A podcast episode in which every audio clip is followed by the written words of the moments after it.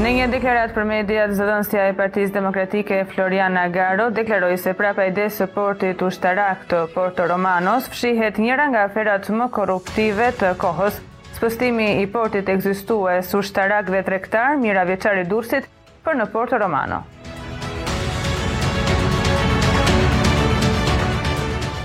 Sipas Eurostat, në vitin 2022, popullsia e Shqipërisë zbriti në 2.79 milionë banorë, që është niveli më i ulët që nga viti 1982, Në krahasim me vitet nëntëdhjetë, popullsia është tkurrur me gati pesëmbëdhjetë për qind. Nga viti një mijë e nëntëqind e gjashtëdhjetë, kur Eurostat raporton të dhënat, popullsia shqiptare u dyfishua, duke kulmuar në vitin një mijë e nëntëqind e nëntëdhjetë e një me tre pikë tre milionë banorë.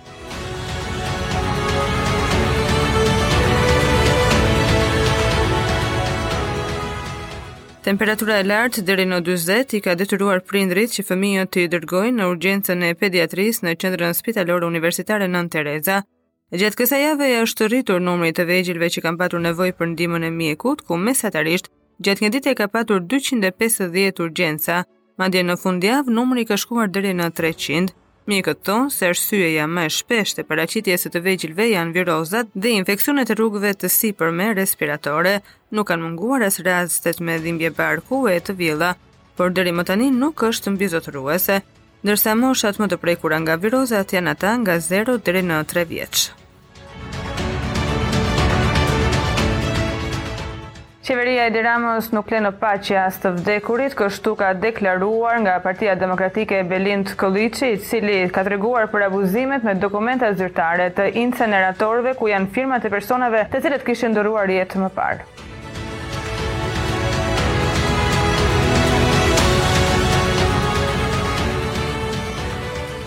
Tridhjetë persona janë shoqëruar nga policia në portin e Durrësit, të gjithë janë punonjës nga siguria e portit dhe punonjës të terminalit. Shkaku i shoqërimeve në masë është konstatimi i hapjes së një kontenieri bananesh, prej të cilit mungojnë disa arka. Hapja e kontenierit është bërë para se të kalonte në filtrin e policisë dhe skanerit, Policia dyshon se brenda kontenierit mund të ketë patur edhe lëndë narkotike.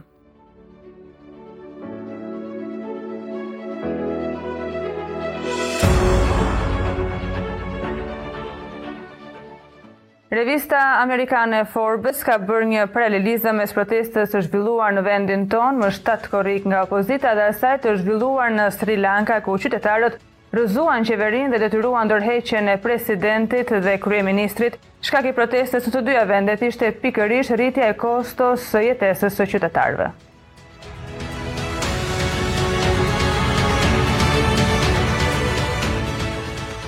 Hamza Tola, shef pranë Ministrisë së Shëndetësisë, ka rënë në pranga pasi akuzohet për korrupsion.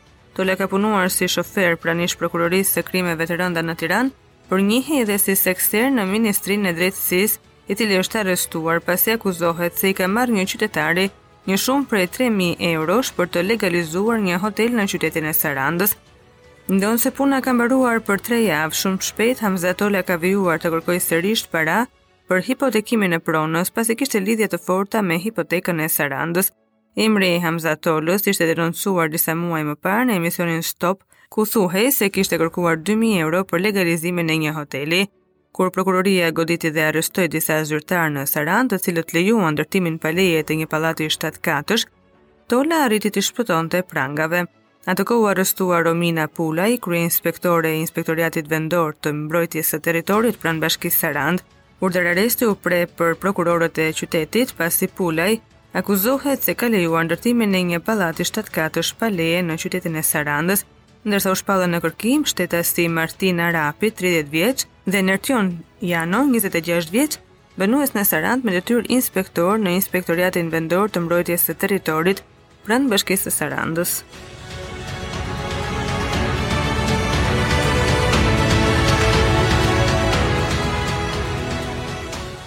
Presidenti i vendit Ilir Meta ka akuzuar qeverinë duke thënë se krimi ka kapur shtetin. Përmes një postimi në Facebook, Meta shkruan se krimi dhe kapja e shtetit ka kapërcyer çdo imagjinatë, ndërkohë që për të marrë pensionet, pensionistët duhet të paraqiten fizikisht.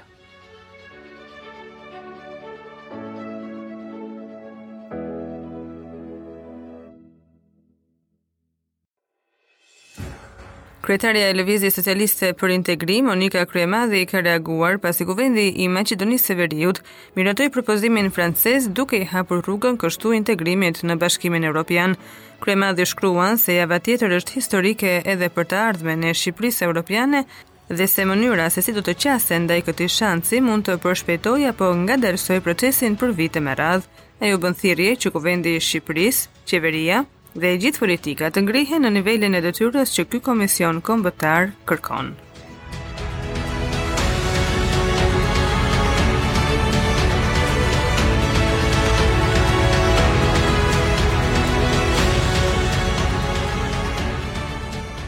Me debate është zhvilluar mbledhja në Komisionin e Ekonomisë dhe Financave, ku u shqyrtua dekreti i presidentit Ilir Meta në lidhje me ligjin për administrimin e Parkut Kombëtar të Butrintit. Ka patur debate midis Eduard Shalsit të Partisë Socialiste dhe deputetes së Partisë Demokratike, Ina Zhupa në lidhje me këtë çështje.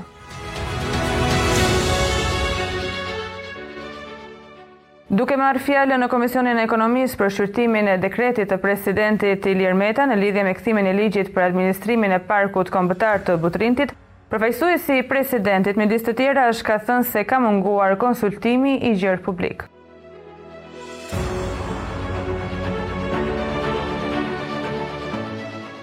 Rënia e numrit të krerëve në blegtori po vë në vështirësi disa qindra prodhues të vegjël tradicionalë të nënprodukteve të qumështit në Shqipëri. Prodhuesit thonë se po bëjnë përpjekje për të përballuar rritjen e kostove dhe të ruajnë mjeshtëritë e vjetra të përpunimit të qumështit.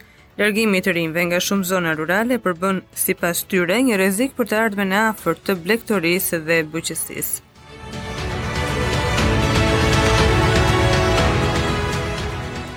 Në përfundim të mbledhjes së Komisionit të Ekonomisë, Partia Socialiste ka rrëzuar dekretin e presidentit Meta për ligjin numër 50 2022 për miratimin e marrëveshjes për administrimin e nënzonave të trashëgimisë kulturore dhe peisazhit kulturor Pjesë e Parkut Kombëtar të Butrintit, ndërmjet Ministrisë së Kulturës dhe Fondacionit për Menaxhimin e Butrintit.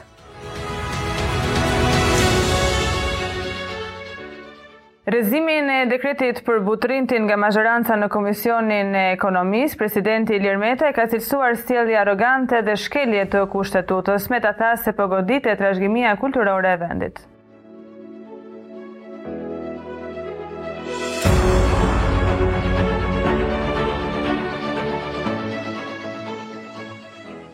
Jo vetëm specialistë, por prej shumë kohësh në Shqipëri mungojnë dhe punëtorë të pakualifikuar, forca e krahut të punës, e cila nuk ka nevojë për arsimim. Industria është ajo që po vuan më shumë, ndërsa me ardhjen e sezonit turistik dhe sektori i shërbimit, Në këto kushte sipërmarrjet po drejtohen tek punonjësit e huaj.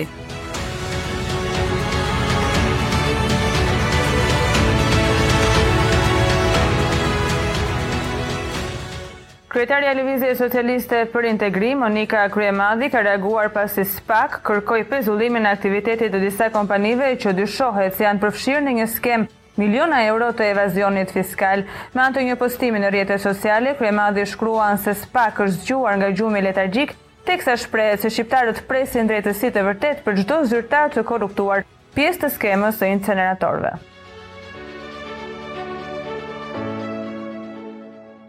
Gjatë punimeve në Komisionin e Ligjeve deputeti demokrat Gazbend Bardhi solli në vëmendje edhe rastin e ushtarakut të ndaluar në Holandë për trafik droge. Bardhi ngriti disa pyetje në drejtim të Ministrisë së Mbrojtjes se çfarë hapash ka ndërmarrë në këtë rast dhe a ka dijeni për raste të tjera.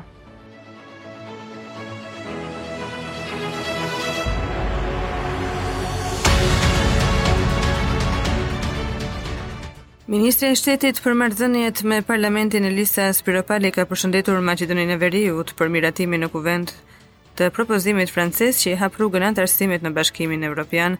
Ministrja me anë të një postimi shkruan se Shqipëria dhe Maqedonia e Veriut nisën kthimin në shtëpinë e tyre të natyrshme në Bashkimin Evropian. Ata që klithin por s'dëgjohen, shpifin por nuk turpërohen, ata që kanë këtë moment historik të kombit, nuk gjejnë arsye të gëzohen,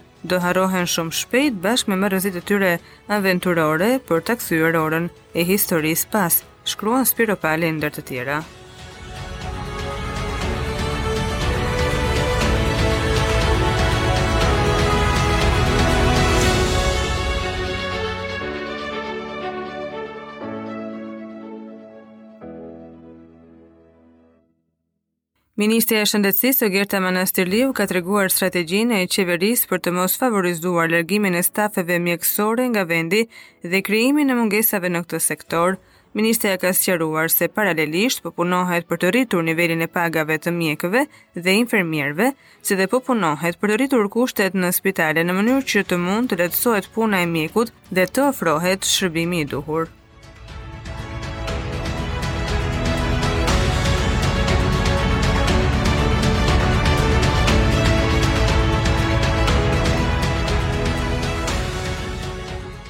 Një aksident i rëndë ka ndodhur në Kavajë, ku një makinë ka përplasur një fëmijë të mitur. Bëhet me dije se shtetasi me iniciale BB, 38 vjeç, duke drejtuar automjetin në aksin rrugor Harizaj Spille, Ka aksidentuar një 12 vjeçar i cili ndodhet në spital në kujdesin e mjekëve. Specialistët për hetimin e krimeve në komisariatin e policisë Kavajë arrestuan në flagrancë shtetasin me iniciale BB 38 vjeç, pasi duke drejtuar automjetin në aksin rrugor Harizaj Spille, ka aksidentuar një 12 vjeçar i cili ndodhet nën kujdesin e mjekëve, thuhet në njoftimin e policisë.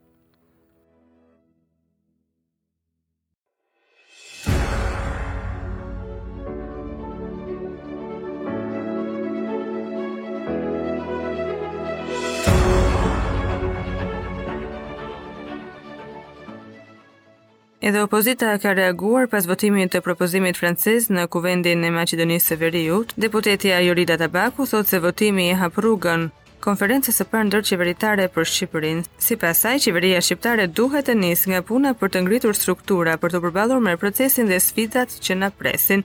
Ndër të tjera, deputetja e PD-së thotë se çështja e integrimit evropian duhet të kthehet në një prioritet kombëtar dhe të mos shohin interesin politik të ditës.